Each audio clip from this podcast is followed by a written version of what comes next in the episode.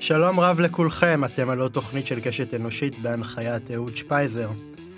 Uh, כמיטב המסורת עם הפעילים והפעילות החברתיים שהופכים את העולם שלנו לטוב יותר, נגיש יותר וחברתי יותר עבור כולנו. תוכנית מיוחדת שכמוה גם המנחה אדם מיוחד על הרצף האוטיסטי. גאה להיות פה ואני רוצה גם להגיד לכם, uh, קהל יקר שלי, uh, שהתוכנית הינה תוכנית של אדם פרטי, כהרגלי בקודש אני מפציר בכם לשתף את התוכנית ברשתות החברתיים כדי שהתוכנית תמשיך לצבור קהל מאזינים נוסף. בואו נתחיל. בעידן שבו מדברים על אפוקליפסה, תוהו ובוהו, ועל מציאות שמשתנה בקצב מסחרר מול עינינו, טוב לדעת שקיים בנוף החברתי שלנו אנשים שחיים ונושמים עשייה 24 שעות ביממה, מסתכלים על המציאות הקשה בפנים ואומרים לה, אותי לא תנצחי. במציאות שבה פוליטיקאים פורשים כדי לעשות לביתם, אין גאה ממני להציג אדם שהיה פוליטיקאי מזן אחר, שגם כאשר פרש מעשייתו הפוליטית, לא נטש את העשייה והמשיך להיות אקטיבי וללחום למען חברה טובה יותר. הוא נולד בפתח תקווה לדוד ושולה חנין. אביו היה ממקימי מק"י. בשירותו הצבאי, חרף סירובו לשרת ביהודה ושומרון וחבל עזה, הוא סיים את הצבא בדרגת סמל ראשון. הוא בוגר תואר ראשון במשפטים באוניברסיטה העברית. מאוחר יותר סיים תואר שני במדעי המדינה, אותו קיבל בשנת 2000. בתקופת לימודיו באוניברסיטה העברית היה מראשי תנועת השמאל היהודית-ערבית קמפוס, שפעלה למען שותפות פוליטית יהודית-ערבית. הוא היה פעיל בתחומים של זכויות אדם וזכויות עובדים. בשנת 2002 נבחר לתפקיד יושב ראש של ארגון חיים וסביבה וניהל מספר מאבקים סביבתיים, כמו המאבק נגד תוכנית ספדיה ולמען הקמת פארק אריאל שרון. ב-14 בינואר 2006 נבחר למקום השלישי ברשימת חד"ש, בבחירות אה, לכנסת ה-17, ובעקבות כך נבחר לכנסת, תפקיד אותו החזיק עד 2019 כשהחליט לפרוש מהפוליטיקה. בשנת 2008 היה ממייסדי תנועת עיר לכולנו, ובראשה התמודד לראשות עיריית תל אביב נגד רון חולדאי, אך לא זכה. Uh, בשנת 2010 קיבל את אות אביר איכות השלטון בקטגוריית uh, הרשות המחוקקת מטעם התנועה למען uh, איכות השלטון. בנוסף, הוא נחשב למחוקק פורה, ו-23 הצעות חוק שניסח נכנסו לספר החוקים של מדינת ישראל. כיום הוא מנהל תחום שינוי מדיניות של פורום האקלים הישראלי. יש לי את הכבוד לארח כאן אורח מיוחד במינו, הלו הוא חבר הכנסת לשעבר דב חנין. שלום דב. אה, שלום אהוד, תודה על הדברי פתיחה שלך. אני אתקן רק שני דברים קטנים. אה, האחד, התואר שלי במדע המדינה הוא לא תואר שני, אלא דוקטורט, אני סיימתי אותו בשנת 2000, באמת באוניברסיטת תל אביב, ואחר כך עשיתי אה, פוסט-דוקטורט באוקספורד על, על הנושא של משבר האקלים. התיקון השני, התפקיד שלי בפורום האקלים הישראלי הוא יושב ראש הפורום. אני מוניתי לתפקיד הזה על ידי נשיא המדינה, במסגרת היוזמה שלו לנסות להזיז את העשייה בישראל בתחום של משבר האקלים, שהוא תחום כל כך חשוב. אוקיי, okay, אני מקבל את התיקון, ושוב, אני אה, אמרתי לך שאם בהמשך אני אה, אטעה בלשוני ואני לא אדייק בעובדות, אז אתה כבר uh, תתקן אותי. דוב, תגיד, נראה לי שאתה מסוג הפוליטיקאים ואישי הציבור שהם כמו יין טוב, משתבחים עם השנים, ובאמת אה, כשאני אה, מסתכל על אה, רשימת הפוליטיקאים של העשור האחרון, אתה גם בן אדם שבאיזשהו מקום אמר לעצמו, אוקיי, אני לא עוזב את הפוליטיקה וזהו, אני כבר לא אהיה נאמן לעקרונות, ואני באיזשהו מקום אעשה לביתי ואפרוש לגמלאות. אתה בן אדם שבאופן... מסיבי ובאופן אקטיבי אה, חורש את השטח ובאמת אה, נפגש עם אה, פעילים ובאמת עושה הרבה גם היום בשביל באמת לשנות את פני הסביבה. אתה באיזשהו מקום יש איזושהי נקודה שבה אתה אומר די עשיתי מספיק והגיע הזמן שאני אפרוש מכל העניין הזה או שאתה מרגיש שעדיין יש לך עוד את ה... המרץ ואת התשוקה לקדם דברים ולשנות את המציאות כל עוד אה, זה ניתן. אה, אז קודם כל תודה על השאלה, אהוד, ואני מאוד שמח להתארח בפודקאסט שלך. ואתה שואל שאלה מאוד רצינית, שהיא שאלה שהיא לא, אני לא רואה אותה רק כשאלה אישית שמופנית כלפיי, אלא כשאלה כללית. מה אנחנו, בני אדם, יכולים לעשות בעולם שבו אנחנו נמצאים? אה, לכל אחד מאיתנו יש זמן מאוד קצר של חיים. אתה יודע, אנחנו חיים פה בסך הכל כמה עשרות שנים, ואחר כך אנחנו הולכים לעולמנו, והשאלה היא מה אנחנו משאירים אחרינו. ואני מקווה שאני אצליח להשאיר אה, עולם קצת יותר טוב לאנשים שימצאו בעולם אחריי. אה, זו הסיבה גם שאני נבחרתי לכנסת. אני נבחרתי לכנסת כדי לקדם את הערכים שלי. לא נבחרתי לכנסת כי זה המקום הכי נחמד, זה לא מקום נחמד. לא נבחרתי לכנסת כי זה המקום הכי נעים, הוא לא המקום הכי נעים. לא נבחרתי לכנסת כי תנאי העבודה הכי נחמדים שם, הם ממש לא. נבחרתי לכנסת כי חשבתי שזה מקום שדרכו אפשר להשפיע, אפשר לקדם את הערכים שאני מאמין בהם, ואפשר לנסות לתרגם את הערכים האלה למציאות. זה מה שניסיתי לעשות בכנסת. היו לי גם אה, הישגים, בהחלט. אתה הזכרת את החוקים שהעברתי, הרבה מאוד חוקים, אתה יודע, זה תלוי איך סופרים, אבל אה, יש ספירה שזה 23 ויש ספירה שזה למעלה מ-100, אז תלוי איך סופרים את זה. אבל המספר הוא לא כל כך חשוב. המספר של החוקים, למרות שהוא מספר גדול, הוא לא הדבר הקובע. אה, מה שקובע זה לא מספר החוקים, אלא התוכן של החוקים. ואני מאוד מאוד גאה בחוקים שהעברתי.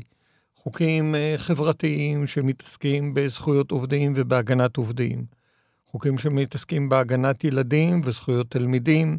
חוקים שמתעסקים בשוויון לנשים, הארכת חופשת הלידה, אה, העלאת גיל הנישואין, הגנה על נשים מוכות, מקלטים לנשים מוכות, חוקים שמתעסקים בתנאי עבודה ונאבקים נגד ניצול, חוקים שמתעסקים באנשים עם אה, מוגבלות ומנסים לשפר את המצב שלהם, חוקים שמתעסקים בזכויות אדם, אה, אסירים בבתי כלא, אה, חוקים שמתעסקים בהגנת הסביבה, חוק אוויר נקי, חוק המזהם משלם, חוק הגנת הכנרת, הגנת מפרץ אילת, אז בהחלט היו לי הישגים בכנסת, אבל החלטתי לעזוב את הכנסת מתוך הבנה ש...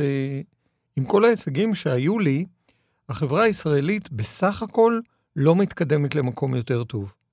וכדי לעשות את השינוי הגדול שצריך לעשות בחברה הישראלית, הכנסת לבד לא מספיקה.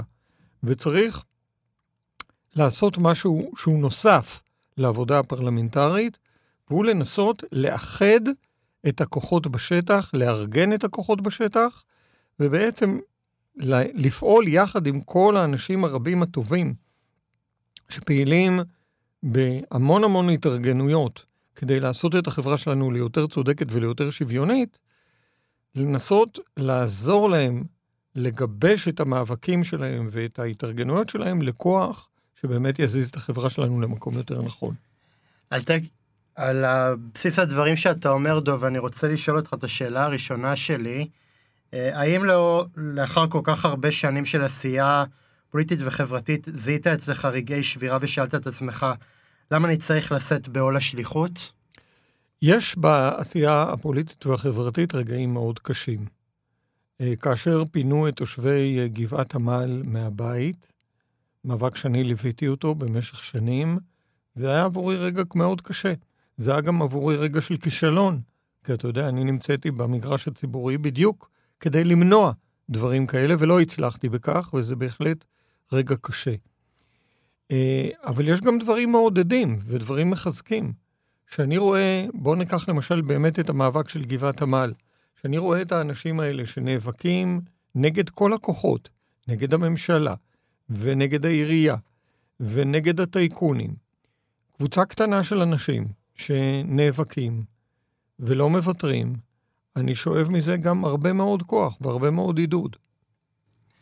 Uh, כן, אבל uh, אני חושב שאתה, להבדיל מהרבה מאוד פוליטיקאים שבאיזשהו מקום מחפשים את הרגעי תהילה האלה ומחפשים להיות מה שנקרא נורא לאביבול ונורא נורא נאהבים, אתה באיזשהו מקום מסתכל על הפוליטיקה כאיזשהו מסוג של תהליך הרבה יותר ארוך, לא, לא כאיזשהו תהליך בזק של זבנג וגמרנו, אלא באמת תהליך שהוא מבוסס אה, תהליכים ושינויים ובאיזשהו מקום אה, עבודת אה, חריש. ואני אומר לעצמי, בעידן שבו הפוליטיקאים הפכו להיות אה, כוכבנים, כל היום בטיק טוק, אם לא מראיינים אותם והם לא מקבלים שעות מסך, אז באיזשהו מקום אין לך שום הזדמנות להתחקות אחרי העשייה שלך. אצלך זה לא היה ככה, זאת אומרת, אני חושב שאצל כל אה, יצור אנושי יש רצון להיות נאהב, ואני חושב שאתה אחד מחברי הכנסת הכי מוערכים שיש, גם אם אנשים לאורך הקריירה הפוליטית אה, שלך היו נגד, אה, דבר, היו נגד הדעות שלך ונגד דברים מסוימים שקידמת, אתה נשאר אחד האנשים הכי מוערכים שגם אם אה, מבטאים אה, נגדך איזשהו חוסר הסכמה, אתה יודע אה, לשבת ובאיזשהו מקום לדון על המהות של חוסר ההסכמה ובאיזשהו מקום לא, לא לבוא ולנהל איזשהו שיח פופוליסטי ודמגוגי ובאיזשהו מקום חסר תוכן וחסר מהות. אז אני חושב שבאיזשהו מקום בעולם הזה של פוליטיקה אתה כן רואה באיזשהו מקום אה, רצף של תהליכים, שאם אה, תהליך אחד אה, לא מצליח בחזית מסוימת, אתה עובר לחזית שנייה ומנסה לקדם אותה שם מתוך מקום שבאמת אתה רואה את הפוליטיקה כאיזשהו מין סוג של מכלול וכתהליך ארוך. כן, תראה, אני חושב שפוליטיקה היא תחום מאוד מאוד מאוד חשוב. זה נכון שהרבה מאוד אנשים מסתכלים על הפוליטיקה שלנו ומסתכלים עליה עם הרבה הרבה ביקורת והרבה ציניות, ואני מבין את הביקורת הזאת והציניות הזאת, מכיוון שאנשים באמת רואים אה, לפעמים, למרבית הצער, פוליטיקאים מושחתים, ורואים פוליטיקאים שטחיים, ורואים פוליטיקאים שמחפשים את הכותרת ולא את התוכן. והדברים האלה גורמים לאנשים באמת אה, לבקר את הפוליטיקה ולהתרחק מהפוליטיקה. אני חושב שההתרחקות הזאת מהפוליטיקה היא דבר מאוד מוטעה. כי פוליטיקה היא הדרך שלנו לנהל את הדמוקרטיה. אין לנו דרך אחרת לנהל את הדמוקרטיה, אלא בפוליטיקה. ולכן, אם יש לכם ולכן המאזינות והמאזינים שלנו אה, ביקורת על הפוליטיקה, אני אומר לכם, חברות וחברים, ביקורת על הפוליטיקה לא צריכה להוביל אתכם לבריחה מהפוליטיקה, אלא לניסיון לעשות פוליטיקה אחרת. כי פוליטיקה זה המקום שבו מחליטים על החיים שלנו. ואם אתם תברחו מהפוליטיקה, התוצאה היא שיחליטו על החיים שלכם בלעדיכם. ולכן התשובה לפוליטיקה מושחתת איננה בריחה מהפוליטיקה, אלא הניסיון לייצר פוליטיקה אחרת. אתם מסתכלים על הפוליטיקאים שיש לנו היום, והם נראים לכם גרועים, תבחרו אחרים. או תהיו אתם בעצמכם פוליטיקאים יותר מוצלחים, יותר הגונים, יותר רציניים.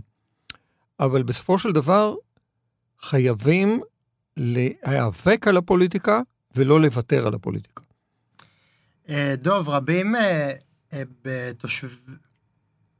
מתושבי העולם מאוכזבים מפירות הגלובליזציה ותולים את הכישלון במערכת הניאו-ליברלית שדנה אותם לחיים של חוסר יציבות כלכלית, פערים בין עניים לעשירים ומשבר אקלים שלא היה כדוגמתו. האם בין כל הכשלים שאתה שנים לוחם נגדם, יש עוד מקום להיות אופטימי? אה, אתה מתאר קודם כל, אהוד, אה, תמונה מאוד מדויקת. אנחנו חיים בעולם שבו אומנם אה, יש קבוצה קטנה שמאוד מאוד מאוד מתעשרת, אבל יש מאות מיליונים שנשארים לגמרי מאחור בעוני קשה, ויש מיליארדים של אנשים שנמצאים במין מרוץ עכברים, שגם אם אתה מנצח בו, אתה נשאר עכבר. וזה לא מצב טוב. אה, משבר של אי שוויון מאוד גדול, משבר אקלים מאוד מאוד דרמטי, מאוד מסוכן. אה, האם אה, הדבר, הדברים האלה צריכים להוביל אותנו לייאוש? אני חושב שאסור שהם יובילו אותנו לייאוש, משתי סיבות. סיבה ראשונה היא סיבה ערכית.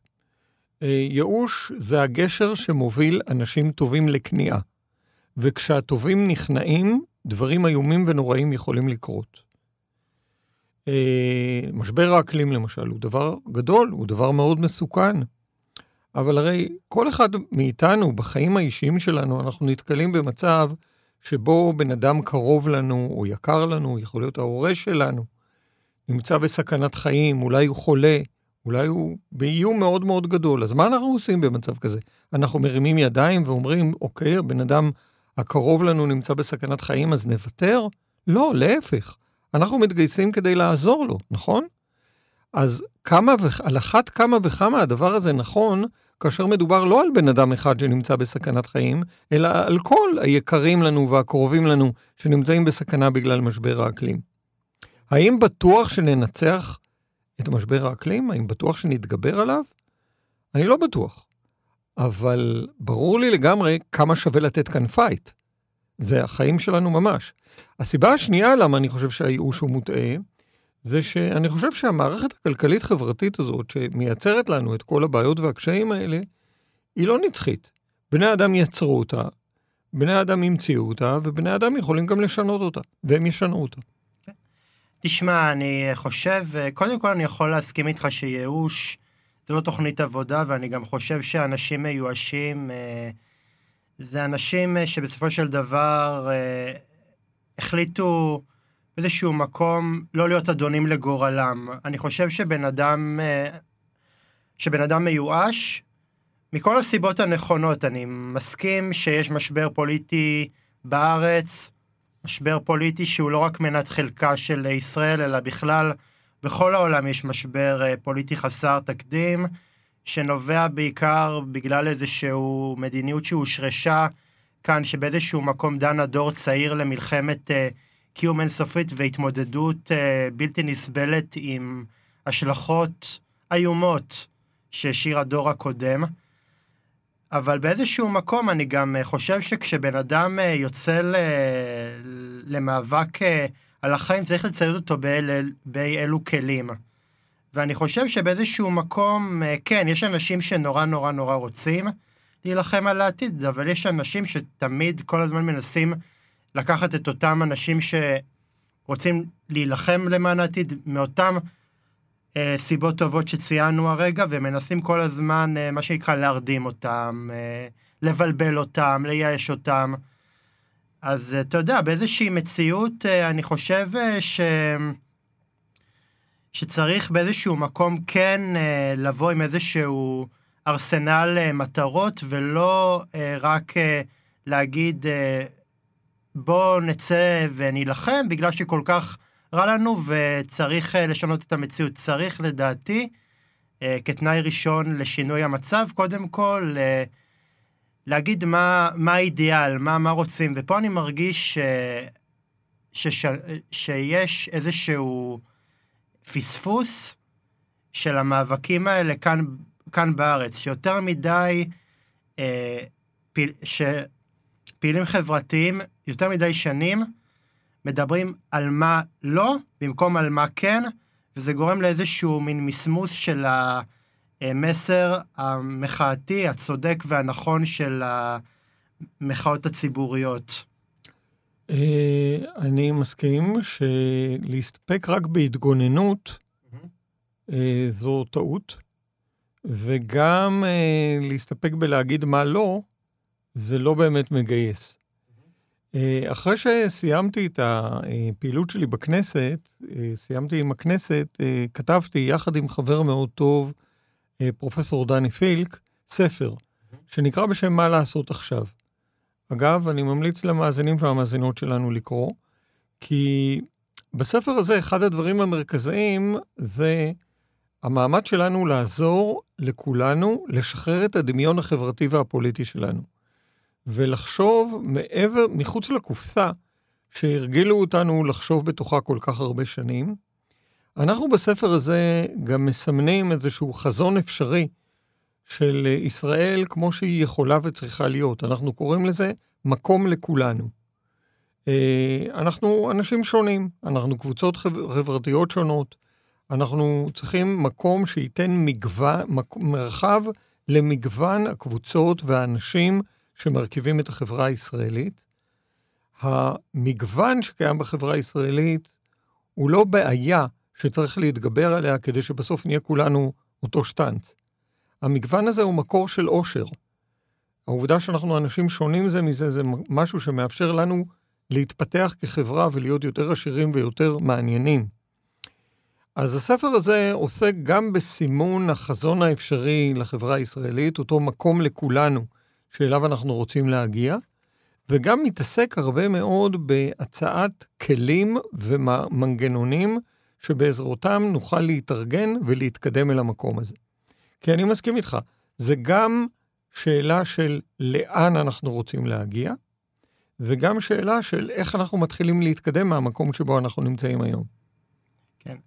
אני חושב, דוב, שאנחנו שנים מאוד מאוד מאוד ארוכות נמצאים במקום אה, מאוד רע.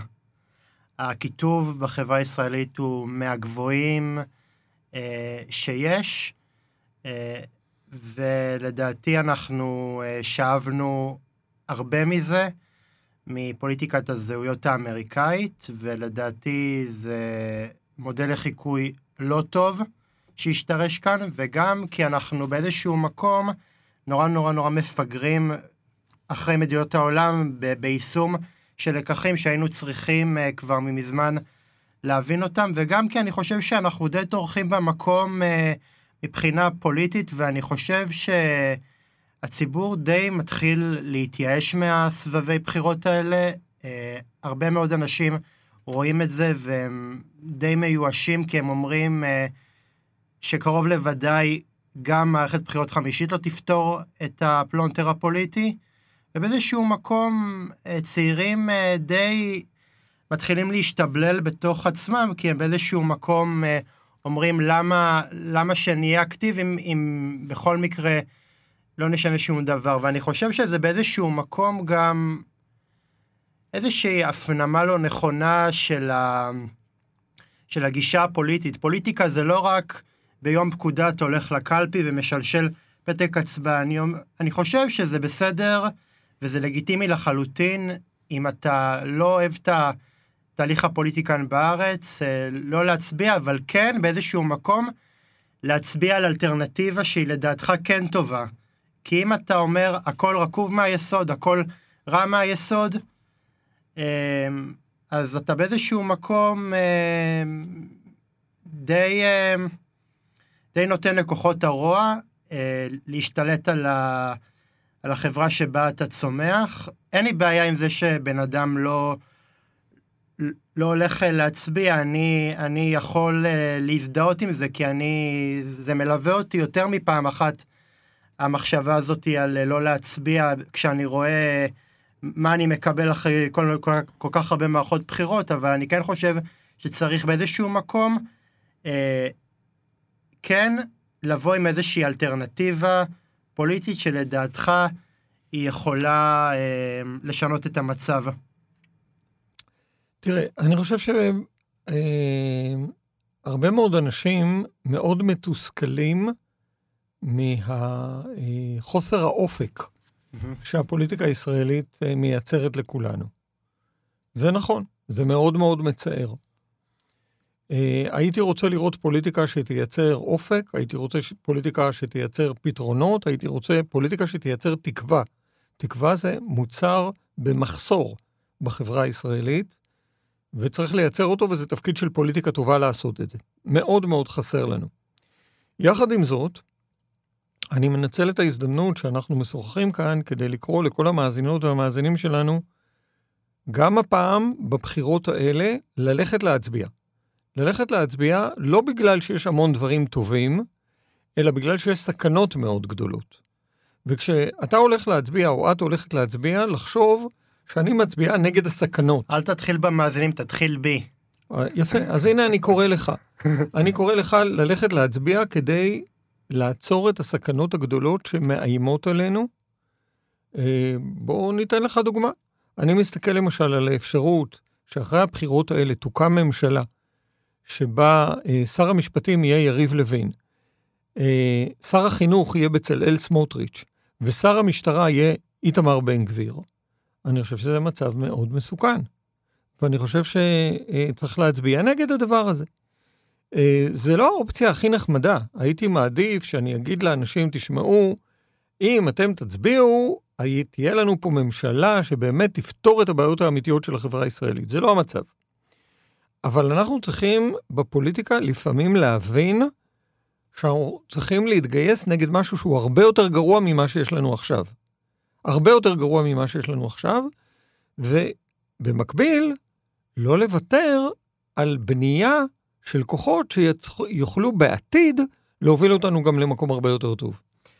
אז אה, דוב, כמי שחי על שני הסקלות, הפרלמנטרית והחוץ פרלמנטרית, איפה אתה מרגיש שהצלחת לגייס יותר כוחות של אנשים למען השינוי?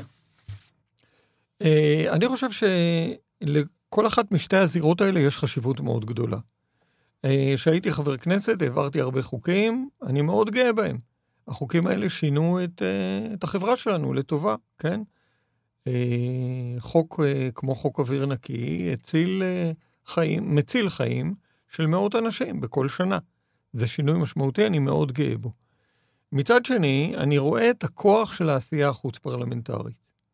גם בזירה, ואתה פה מאוד מאוד צודק, אהוד, שאתה אומר שהמעורבות הדמוקרטית שלנו לא מתחילה ביום הבחירות ולא מסתיימת ביום הבחירות.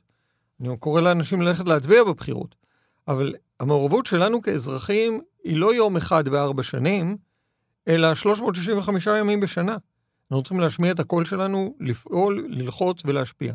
אני היום, אה, בתור יושב ראש פורום האקלים, אה, מעורב ומלווה המון המון יוזמות אזרחיות בנושאים שקשורים למשבר אקלים. אה, אגב, קשורים גם למשבר אקלים, אבל גם לחיי היומיום שלנו, כי צל, למשל, זה שייך למשבר אקלים, אבל זה גם שייך לזה שיהיה לך נעים ללכת ברחוב מחר בבוקר. אה, הליכתיות זה נושא שהוא קשור למשבר אקלים, אבל זה קשור גם לחיי היומיום. אני חושב שזה אחת המגרעות הגדולות אה, בתל אביב, שאין מספיק אזורים מוצלים. ולדעתי, כמי, שבע... כמי שבעצמו התמודד נגד מי שמתווה את המדיניות כבר במשך כל כך הרבה שנים, במדינת תל אביב, רון חולדאי, אני חושב ש... תל אביב הופכת להיות אתר בנייה שלאט ובעקביות, אבל באמת באמת באמת באופן מגמתי, דוחקת אה, הולכי הרגל מהשטחים ובאיזשהו. מקום מעודד, מעודד אה, פרייבטים. לגמרי, וזה... תראה, תראה מה קורה בתל אביב. קודם כל, בתל אביב יש מלחמה נגד העצים. Mm-hmm. אתה רואה את הכיכרות... למה, אבל ה... למה להילחם? הם אסורה למישהו העצים האלה? אה, שאלה מצוינת, אבל אתה רואה את אה, כיכר הבימה שהעירייה תכננה, כאילו שזה כיכר בצפון אירופה, זה כיכר ששמש קופחת. אבל עזוב רגע את כיכר הבימה, תסתכל על כריתת העצים בכל רחבי העיר. בכל שנה נכרתים בתל אביב יותר מאלפיים עצים ברישיון של העירייה. אז העירייה אומרת, אנחנו במקום העצים האלה שנכרתים, אנחנו ניטע עצים חדשים. אבל עד שהעצים החדשים האלה יצמחו, ייקח הרבה הרבה שנים, ובינתיים אנחנו כורתים עצים שנותנים לנו צל, שסופגים חום, ואנחנו מייצרים פה באמת קטסטרופה בתוך העיר שאנחנו חיים. אתה אומר, ובצדק, שבנו פה עיר שהיא עוינת את הולכי הרגל. בואו נתחיל בשאלת המדרכה. המדרכות בעיר מאוד מאוד צרות. אתה לא יכול ללכת עם בן או בת זוג אה, יד ביד, אתם צריכים ללכת בטור, כי המדרכה בתל אביב צרה. היא גם, מדיניות... צרה, היא, היא גם צרה מאוד, וגם, אה, וגם כשמתפנה לך, מתפנה לך נתיב אה, של הליכה פעם אה, ב, בשעה וחצי, אז כבר אה, בא איזשהו סמי טריילר וחוסם לך את, ה, את המעבר הזה. נכון, אז קודם כל אתה, הנתיבים... וככה אתה לא מייצר איכות חיים, אה, לא... לא לבני זוג, וגם אה, יותר גרוע מזה, קשישים ו... ונכים. לגמרי. אה, מי שמסתובבת עם עגלת נכים בתל אביב במדרכה, זה מסלול ייסורים מאוד מאוד קשה. אז תל אביב עוינת את הולכי הרגל, עיריית תל אביב עוינת את הולכי הרגל, ונלחמת, לא רק נגד העצים, אלא גם נגד בני האדם שחיים בעיר הזאת. וזה מאוד מאוד מצער, כי הרי מהי עיר טובה? מהי עיר טובה? מה עיר, מהו רחוב טוב? רחוב טוב הוא רחוב שנעים ללכת בו. אם אנשים הולכים ברחוב, זה רחוב טוב. ורחוב טוב הוא רחוב עם צל, ועם מדרכה רחבה, ועם איזה שהם חנויות נחמדות, ובית קפה נחמד בפינה, או חנות פלאפל בפינה, שאפשר לשבת ולנוח בה לרגע, ועם ספסל שאפשר לשבת. ואתה רואה את הדברים האלה הולכים ונעלמים בתל אביב, ומבחינה זו, אני חושב שלחולדאי, ראש העיר, יש אחריות מאוד מאוד גדולה. תגיד, אה, דוב, זה לא שאני תכננתי לשאול את השאלה הזאת, אבל אה, מה אתה חושב אה, הייתה הסיבה שבגללה לא הצלחת לנצח את חולדאי ב-2008? תראה, קודם כל 2008 הייתה התמודדות מאוד מאוד מעניינת בתל אביב-יפו, אני לא יודע אם המאזינות והמאזינים שלנו זוכרים, אז בואו נזכיר להם. אנחנו רצנו לראשות העיר במסגרת של רשימה מקומית, בלי תמיכה של מפלגות, בלי תמיכה של טייקונים ותורמים גדולים, למעשה רצנו בלי כסף, ברשימה שנקראה בשם עיר לכולנו, וקיבלנו 35% מהקולות בעיר. כמעט, כמעט, כמעט ניצחנו את חולדאי. צריך להגיד שבשכונות, בשכונות העיר שדרומית לירקון, אנחנו ניצחנו. אה, אנחנו ניצחנו בקרב הצעירים. אה, סדר היום שלנו אה, הצליח לנצח, זאת אומרת, הדיון, ש... הדרישות שלנו להעדפת תחבורה ציבורית, הדרישות שלנו למדיניות עירונית אחרת בתחום הדיור. אה, בסופו של דבר, אתה זוכר, שלוש שנים לאחר מכן צמחה מחאה חברתית גדולה בדיוק מסביב לשאלה הזו של הדיור, ומסביב להבנה שאנחנו דיברנו עליה בעיר לכולנו, שמצוקת הדיור היא לא בעיה פרטית של אנשים, אלא היא בעיה חברתית של מדיניות. אה, אז זה נכון שבסופו של דבר לא הצלחנו לנצח את חולדאי. זה היה מרוץ שמראש הוא היה בנתונים לא שוויוניים בכלל. אל תשכח שלחולדאי, חולדאי היה ראש עיר מכהן, עם כל המנגנון של העירייה לצידו. אה, לחולדאי היה תקציב בחירות ענקי, עצום, לנו לא היה כסף. חולדאי הצליח לגייס מסביבו קואליציה פוליטית מאוד מאוד רחבה, מפלגת העבודה, המפלגה שלו, הליכוד, קדימה הייתה מפלגת השלטון, רשימת הגמלאים של תל אביב, הירוקים, אה, מרץ, יעל דיין הייתה אפילו מועמדת ברשימה של חולדאי, הצליח לייצר דתיים, יוצאי ברית המועצות, הצליח לייצר לעצמו קואליציה פוליטית וחברתית מאוד מאוד רחבה, ומול הדבר הזה אני חושב שהיה לנו הישג יפה בבחירות, אבל אה, למרבית הצער, היינו צריכים קצת יותר כדי לנצח. כן. דרך אגב, האופוזיציה העירונית בכל העיריות היא, היא, היא גוססת, ולדעתי אמ, אחד הסממנים לכך שאופוזיציה אה, הפכה להיות כלי חסר אה, שיניים, אלא אם כן אתה מהימין, ויש לך אה, מעמד של ראש ממשלה לשעבר. באופן כללי, רוב הפוליטיקאים כשהם מגיעים לתפקידים רבי דרג ורבי השפעה הם לא כל כך אוהבים שיסתובבו סביבם כל מיני אנשים שבאיזשהו מקום יערערו את ההגמוניה ואת השליטה שלהם. הם אוהבים שקט תעשייתי, הם אוהבים באיזשהו מקום לשמור על מדיניות מסוימת, וזה לדעתי די... די uh, um, אינדיקציה ללמה הרבה מאוד uh, אזרחים uh, די... Uh, די נסוגים אחורה מ... מריצה לפוליטיקה, כי באיזשהו מקום הם אומרים, אה, למה אני לא מביע את דעתי, למה אני לא משמיע קול, כי, כי עדיף לי, למה אני צריך את הכאב ראש, למה אני צריך שכל הזמן יערבו לי וכל הזמן אה, ינסו להתנכל בי, הרי ראש אופוזיציה, אה, גם כשהוא פרלמנטרי וגם כשהוא ראש האופוזיציה זה במישור המוניציפלי, הוא הרי חווה אה, מכתש אה, של איומים ומכתש של לחצים כדי לא להגיד את, את אה, דעתו, ולדעתי זה מצב אה, נורא נורא נורא אה, מפחיד ומסוכן בדמוקרטיה. אני חושב שהאופוזיציה היא דבר מאוד חיוני mm-hmm. לדמוקרטיה. דמוקרטיה לא יכולה להתקיים בלי אופוזיציה. אה, בתור חבר כנסת שתמיד היה באופוזיציה, אני יכול להגיד לך שאפשר לעשות מתוך האופוזיציה הרבה דברים משמעותיים וגדולים. דיברנו קודם על החקיקה, אז בדרך כלל ברוב הכנסות שהייתי חבר, העברתי הרבה יותר חוקים מאשר חברי הקואליציה שהיו אה, באותה תקופה. אז זה לא נכון שאי אפשר לעשות מהאופוזיציה דברים, אפשר לעשות דברים, מהאופוזיציה דברים גדולים ומשמעותיים.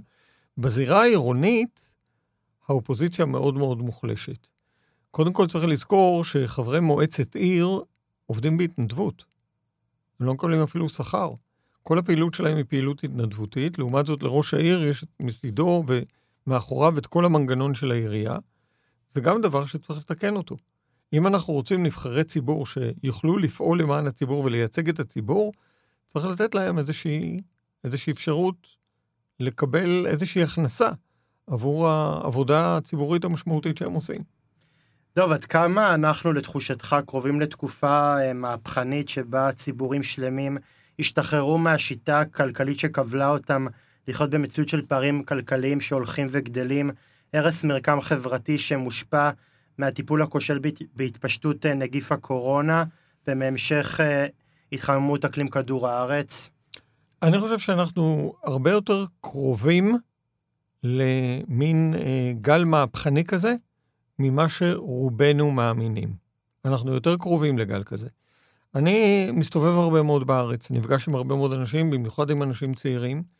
אני רואה את אי שביעות הרצון, אני רואה את האנשים שלא מצליחים להשיג לעצמם מקום לגור בגלל משבר דיור שהוא באמת הולך ומגיע לרמות מאוד קיצוניות.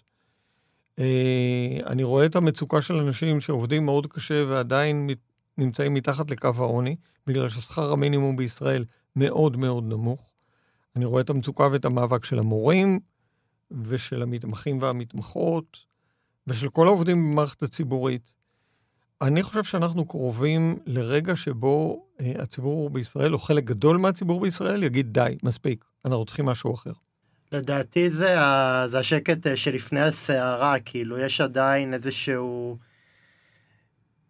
תחושה שהיא אומנם טקטונית של איזושהי צבירה של כעס שמחכה להזדמנות אה, לצאת החוצה. אני חושב שהכעס הזה יצא החוצה, ואני חושב שתלוי בנו גם במידה רבה באיזה מתכונת ובאיזה צורה הכעס הזה יצא החוצה. אבל אני חושב שזה גם צריך להיות עניין של מי עומד בראש הזעם הציבורי הזה, כי כש, כשיש אנשים שמובילים את הזעם הציבורי הזה, וזה, סליחה על הביטוי, אנשים כמו סתיו שפיר, כמו אלדד יניב, כמו אה, כל מיני קריי אה, מיניסטר, אה, זה לא באמת יכול להיות אמיתי, כי זה גם לא... כי אותם אנשים גם לא התמודדו עם בעיות אה, חברתיות אה, מורכבות. זה לדעתי משהו שצריך להעביר את המושכות למי שבאמת אה, נמצא בשטח ובאמת אה, ניזון ומושפע מהצעדים של הממשלה הזאת ובאמת חוטף. ולא מישהו שבאיזשהו מקום מנסה לחפש אה, טרמפ מזורז אה, לפוליטיקה.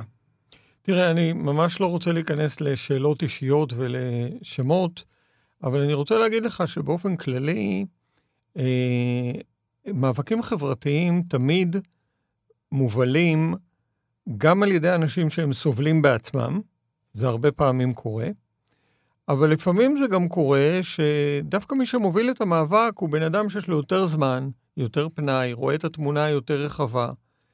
אה, אולי באופן אישי הוא לא נמצא במצוקה כל כך קיצונית, אז יש לו גם את האנרגיה להתגייס לפעולה יותר רחבה, ולא רק ל- ל- להשאיר את עצמו, כן, צף מעל פני המים. אז אה, צריך יהיה להיות שילוב של אנשים שהם גם האנשים שהכי נפגעים, וגם של אנשים שמוכנים להתגייס כדי לעשות את השינוי. Okay. העניין הוא שאיך מגייסים אה, אנשים שנמצאים בהישרדות אה, יומיומית. אני חושב שבן אדם שעובד קשה ויש לו משפחה לפרנס, בסופו של יום אה, אין לו כל כך פנאי, כי... לכן, לכן אני אומר, יש פה, בסופו של דבר יצטרך להיות שילוב.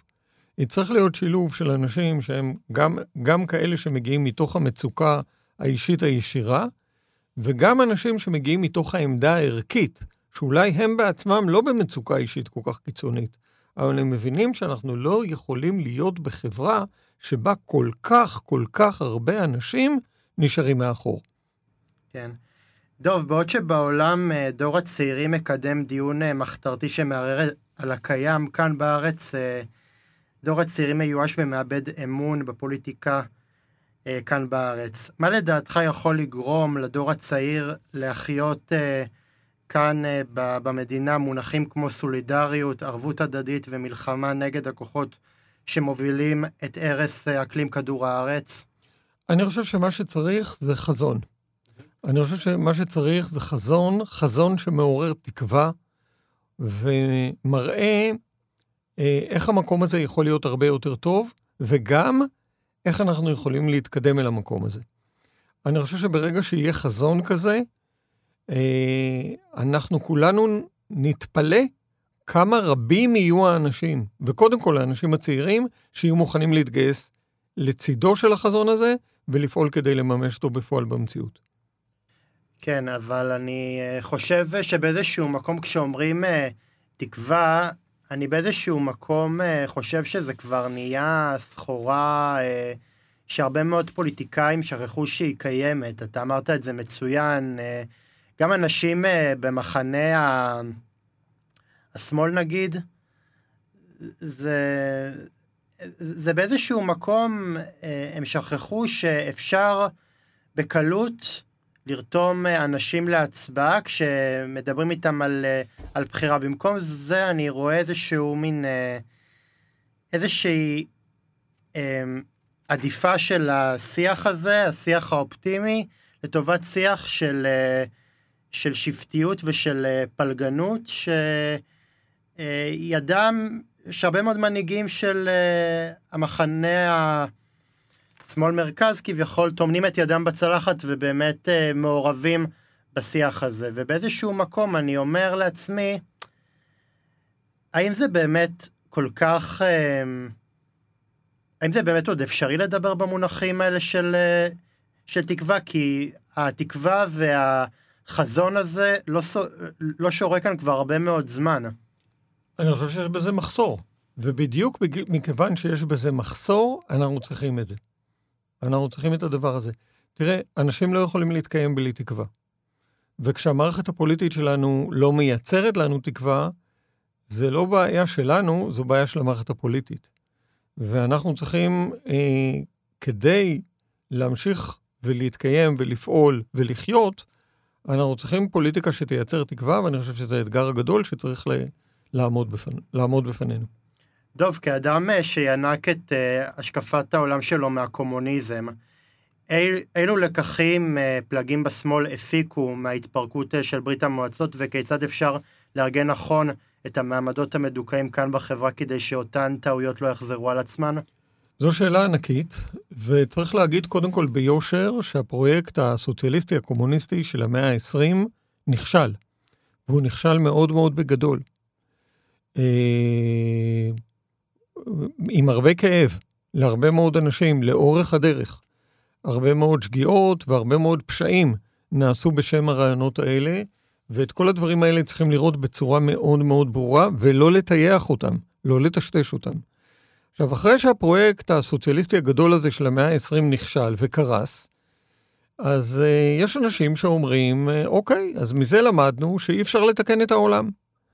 אני אומר, אנחנו נשנה את העולם. אמרו את זה קודם, לפניי, זה לא משנה. אה, אבל צריך ללמוד לקחים ממה שלא עבד קודם. הלקח הגדול שאני לומד מהכישלון של הפרויקט הסוציאליסטי של המאה ה-20, הוא שהייתה שם שגיאה תיאורטית ופוליטית מאוד מאוד עמוקה, שאמרה שאפשרי סוציאליזם בלי דמוקרטיה. לא הבינו שסוציאליזם חייב להיות הרבה יותר דמוקרטיה מאשר קפיטליזם. סוציאליזם הוא לא רק שחרור של הפוליטיקה משליטת בעלי ההון, אלא הוא גם הרחבה של הדמוקרטיה מעבר לפוליטיקה, לחברה ולכלכלה בכללותם. ולכן סוציאליזם במהותו חייב להיות דמוקרטי, או שהוא לא יהיה סוציאליזם.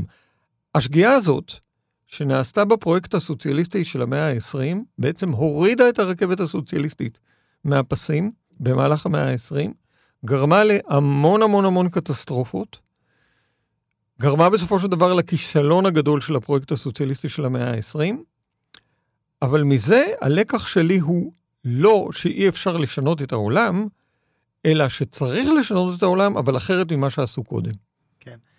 אני חושב שאחד מהטעויות של הסוציאליזם הוא, הוא עוד uh, ממש בשלבי ההקמה שלו. אני לא מדבר איתך על סוציאליזם, כי אני... בן אדם uh, שאני מאוד מאוד uh, מאמין בהשקפת העולם הזאת. אני חושב שכבר בהתחלה, uh, עוד בשלבי ההקמה של ברית המועצות, היו הרבה מאוד כשלים, בין היתר בגלל אה, חזון, שאולי היה חזון נאיבי, אולי לא מציאותי, אולי אוטופי, של, של מי שהוביל את המהפכה הזאת, ובראשם אה, לנין, שאפשר אה, לעשות את הקפיצה הזאת לקומוניזם במדינה אה, שהיא עוד הייתה אה, אגררית, שעוד לא היה בה את הפיתוח ואת המינוף שהיה במדינות אה, אחרות, ו, וזה נכשל וגם... וזה גם באיזשהו מקום גרם לכך שהיסודות היו לא דמוקרטיים והם, והם הכשירו את העלייה של סטלין יותר מאוחר.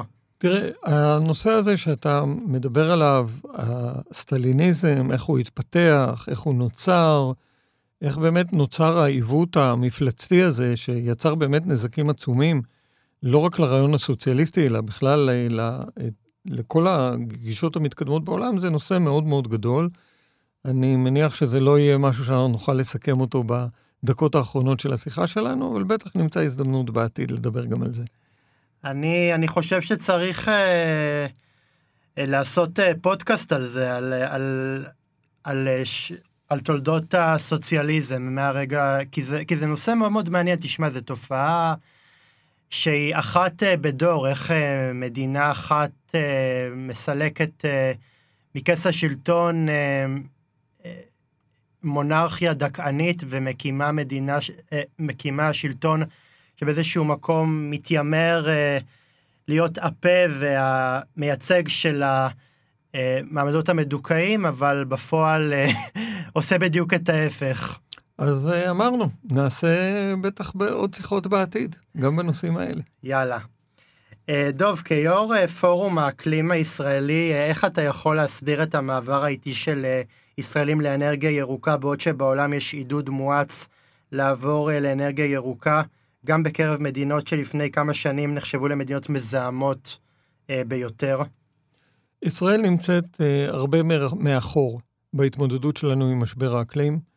אה, כמו שאמר מבקר המדינה לפני שנה, אנחנו גם מציבים בפני עצמנו יעדים מאוד מאוד נמוכים וגם מקפידים לא לעמוד בהם.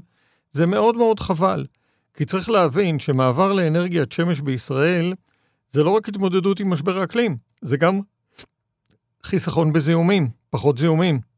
זה גם הרבה יותר ביטחון. אנחנו היום תלויים בכמה אסדות גז בים, מדינה שנמצאת במצב מלחמה כמו ישראל, זה ממש חוסר אחריות גם מהבחינה הביטחונית. לעומת זאת, אנרגיית שמש היא אנרגיה מפוזרת, מבוזרת על עשרות אלפי בתים, לא כמה אסדות גז שנמצאות בים. אנרגיית שמש היא גם אנרגיה יותר דמוקרטית. היא אה, לא כמה טייקונים שמייצרים חשמל, היא מאות אלפי אנשים שיכולים לייצר חשמל על הבית שלהם. אה, אנרגיית שמש היא גם יותר זולה. היום שמש פלוס אגירה יותר זולים מאשר נפט, גז ופחם בישראל. אז אתה שואל אותי למה כל הדברים הטובים האלה לא קורים? התשובה היא נורא פשוטה, אינטרסים. יש פה טייקוני גז ששולטים במידה רבה בהחלטות של ממשלת ישראל, והכיוון שמדינת ישראל הולכת בו הוא כיוון של להשתחרר מהפחם שזה טוב, אבל לעבור להתמכרות חדשה לגז, שזה בעייתי. כן. כן, גם הגז הזה אה, משווק לציבור בדרך של, אה, של הטעיה. זה לא שאם אה, אם יקדחו חור בצינור הגז, לא יהיו לזה השלכות סביבתיות, זה הרי תרמית. לעומת זאת, אנרגיית שמש היא אנרגיה שאתה לא יכול שלא להרגיש איזושהי חמיצות בלב מהפוטנציאל הלא מגולם אה, שמדינת ישראל מאפשרת אותו, כי באיזשהו מקום אה, השמש כאן אה, זה, זה המצרך הכי, הכי זמין כאן. לגמרי. את... ולכן לכן זה תחום שצריך לייצר בו שינוי מאוד מאוד גדול. ומה שהמאזינות והמאזינים שלנו צריכים להבין זה שהשינוי הזה הוא לא רק התמודדות עם הבעיות של העולם, או תרומה שלנו להתמודדות עם הבעיות של העולם, אלא השינוי הזה יכול לשפר את החיים שלנו כאן ועכשיו. יותר זול, יותר נקי, יותר בטוח, כל זה נמצא באנרגיית שמש ולא נמצא באנרגיית גז. Uh, כן, ואני גם חושב ש... שגם היה אפשר uh, מהפעמים האלה שראיתי את uh, מחאות הגז, uh, שהרבה פעמים מנהלים uh, את הוויכוח הזה כאיזשהו ויכוח uh, של, של פריבילגיה, ללמה תשובה מקבל היתר להשתמש בגז הזה על חשבון אזרחי ישראל, היה אפשר באמת לפתוח את זה לדיון על מה זה בכלל, על מה אנחנו בכלל עושים עם האנרגיה הזאת, איך בכלל אפשר לנצל את האנרגיה שלנו בצורה שהיא הרבה יותר חסכונית וזמינה. זה למעשה משהו שהוא הוחמץ בכל פרמטר אה, אפשרי שאני רק יכול אה, להסתכל עליו. אכן כן. אה, דוב, כמי שהיה פוליטיקאי וממשיך בדרכו הייחודית להשפיע על מציאות חיינו כאן בארץ, מה אתה חושב שתפקידן של תנועות החוץ פרלמנטריות בשינוי המדיניות כאן בארץ? אני חושב שלתנועות החוץ פרלמנטריות יש תפקיד מאוד מאוד גדול, תפקיד מאוד משמעותי. באופן אישי, אחרי ש... סיימתי את אה, השליחות שלי בכנסת, אה, הצטרפתי לתנועת עומדים ביחד, שהיא תנועה חוץ פרלמנטרית של יהודים וערבים שפעילים בכל הארץ. הם היו מאוד מאוד מעורבים גם בעשייה משותפת של יהודים וערבים מול הגלים של הגזענות שהיו אצלנו בשנים האחרונות. הם הובילו את המאבק של מינימום 40, להעלות את שכר המינימום ל-40 שקל לשעה, מאבק מאוד מאוד חשוב. שאפילו התחיל להתקדם בכנסת עד שהממשלה נפלה וקרסה. ואני מאמין שתנועות חוץ פרלמנטריות הן חלק מאוד משמעותי ומאוד מרכזי ממעשה השינוי. כמו שאמרנו בשיחה הזו, דמוקרטיה לא מתחילה ולא מסתיימת ביום ההצבעה בקלפי. אתם, המאזינות והמאזינים שלנו, רוצים להשפיע על מה שקורה פה בחברה? תצטרפו לתנועות חוץ פרלמנטריות. תתגייסו, תמצאו את המקומות שבהם אתם יכולים להשפיע, יכולים להיות מעורבים, ותעשו את המקום הזה למקום יותר טוב אבל לכולנו. אבל אני חושב שבאיזשהו מקום גם בתנועות חוץ פרלמנטריות טיפה חוטאות uh, בתפקידן. זה לא שאני מזלזל בתפקיד שלהם, התפקיד שלהם חשוב מאין כמוהו, ובכל דמוקרטיה דינמית חשוב שיהיו תנועות כאלה, אבל אני חושב שהמטרות אה, שהתנועות החוץ הפרלמנטריות מציבות לעצמן הן אד הוקים, ולמה אני מתכוון? אז לא כולן. לא כולן, אתה צודק, שיש יש, יש עמותות שיש להן מטרות מאוד צרות, כן, עמותה שמתעסקת ב... לא יודע מה, אנרגיה מתחדשת, נקודתית. אה, אבל אם אנחנו מסתכלים על תנועה חוץ פרלמנטרית כמו עומדים ביחד, ושוב, אני מזמין את המאזיניות והמאזינים שלנו לחפש בגוגל עומדים ביחד, או להיכנס לפייסבוק ולראות מה זה עומדים ביחד, אתה תראה תנועה חוץ פרלמנטרית שיש לה אג'נדה מאוד רחבה, מתעסקת בשאלות ערכיות, מתעסקת בשאלות חברתיות כלכליות כמו דיור, מתעסקת בשאלות סביבתיות כמו משבר אקלים, מתעסקת בשאלות כמו שלום והעתיד שלנו, מתעסקת בשאלות כמו אה, יחסי יהודים ערבים. אז יש תנועות פרלמנטריות שהן נקודתיות וממוקדות אד הוק, ויש גם תנועות חוץ פרלמנטריות שבנו לעצמם אג'נדה יותר רחבה. ואני חושב שבאיזשהו מקום תנועות פרלמנטריות ש... הכוונה שלהם היא אד הוקית, היא לדעתי אה, תנועה פרלמנטרית שסופה, שסופה אה, בכישלון אחד גדול, כי אם אתה לא מסתכל על אה, פוליטיקה כאיזשהו מכלול של, של מטרות ושל משימות, אלא אתה מציב לעצמך משימה אחת, זה, זה לא יחזיק מעמד, ולדעתי... זה נכון, זה... אם כי תנועות חוץ פרלמנטריות שממוקדות בנושא אחד, לפעמים מצליחות לקדם שינוי באותו נושא, וזה דבר חיובי, זה דבר טוב, אבל אני מסכים איתך שגם כשאתה נמצא מחוץ למערכת הפרלמנטרית, עדיף שתהיה לך תפיסה רחבה, עדיף שתהיה לך גישה כוללת, ושתבין שכל המרכיבים של המציאות הם לא מציאויות נפרדות, אלא זוויות שונות של התייחסות לאותה מציאות. כי אני חושב שלמשל אפילו מאבק אה, לתחבורה זמינה, תחבורה נגישה, הוא קצת מפספס את הנקודה, כי באיזשהו מקום תחבורה אה, נגישה, אה, היא צריכה לפעול בשבת, אבל אם היא תהיה גרועה ולא תהיה, והזמינות שלה לא תהיה גבוהה, והיא באיזשהו מקום אה, לא תהיה נגישה לאנשים אה, אה, מעוטי יכולת, ובאיזשהו מקום אה, אנשים אה, עם צרכים מיוחדים, קשישים ומתמודדי אה, נפש, אז באיזשהו מקום אה, היא, היא, היא אומנם תפעל בשבת, אבל היא תמשיך להיות אה, גרועה כמו שהיא בכל ימות השבוע. נכון, תחבורה ציבורית היא משהו שצריך להסתכל על בני אדם. Mm-hmm. אם אנחנו רוצים שתחבורה ציבורית תעבוד טוב, היא צריכה להסתכל על האנשים ולתת פתרונות לאנשים, לאנשים המגוונים והשונים שמרכיבים את החברה שלנו. דוב, לקראת אה, סיום, אילו דברים אה, היית מציע לשיפור עבור מפלגת אה, חד"ש שבה היית חבר לקראת הבחירות הקרובות? אני דווקא לא, לא כל כך רוצה להיכנס ליומיום של הפוליטיקה ולעיסוק בבחירות הקרובות. אני רוצה כן להגיד לאנשים שמאוד מאוד חשוב ללכת ולהצביע. אני רוצה להגיד שמאוד חשוב להבין שהציבור הערבי, של האזרחים הערבים, הוא חלק משמעותי מהחברה הישראלית. ומי שרוצה להוציא את האזרחים הערבים החוצה ממעגל הלגיטימיות, אה, עושה מהלך מאוד מסוכן, אה, מתוך שיקולים פוליטיים, כן? עושים את זה כי הימין הקיצוני מבין שבלי הערבים, אם הערבים יוצאים החוצה מהמשוואה, לימין הקיצוני יש רוב. ולכן אני חושב שכל אזרח דמוקרטי חייב להבין שההצבעה של האזרחים הערבים היא חשובה, היא משמעותית, היא לגיטימית. הנבחרים הערבים, יש להם את אותן זכויות כמו לנבחרים היהודים, והם צריכים לקחת חלק בהחלטות ובכנסת על בסיס שוויוני לחלוטין כמו כולם. דוב, לקראת אה, סיום, איפה אתה שואב את האופטימיות ואת הרב לעשייה? Uh, אני שואב את האופטימיות מזה שאני נפגש עם אנשים. אני נפגש הרבה מאוד עם אנשים. אני רואה אנשים שמתמודדים. Uh, אנשים שמתמודדים עם דברים לא פשוטים. אם זה אנשים שמתמודדים עם קשיים כלכליים, אם זה אנשים שמתמודדים עם אפליה לאומית או אפליה דתית, אם זה אנשים שנמצאים בפריפריה. אמרנו מאיפה אתה שואב אופטימיות. לא, אז אני אומר, אני שואב אופטימיות מהפגישה עם האנשים. אתה רואה אנשים, ש, ש, אני, אתה רואה למשל אנשים שהם מתמודדי נפש, שמתמודדים עם שאלות לא פשוטות בחיים שלהם, אתה מתמלא הערכה.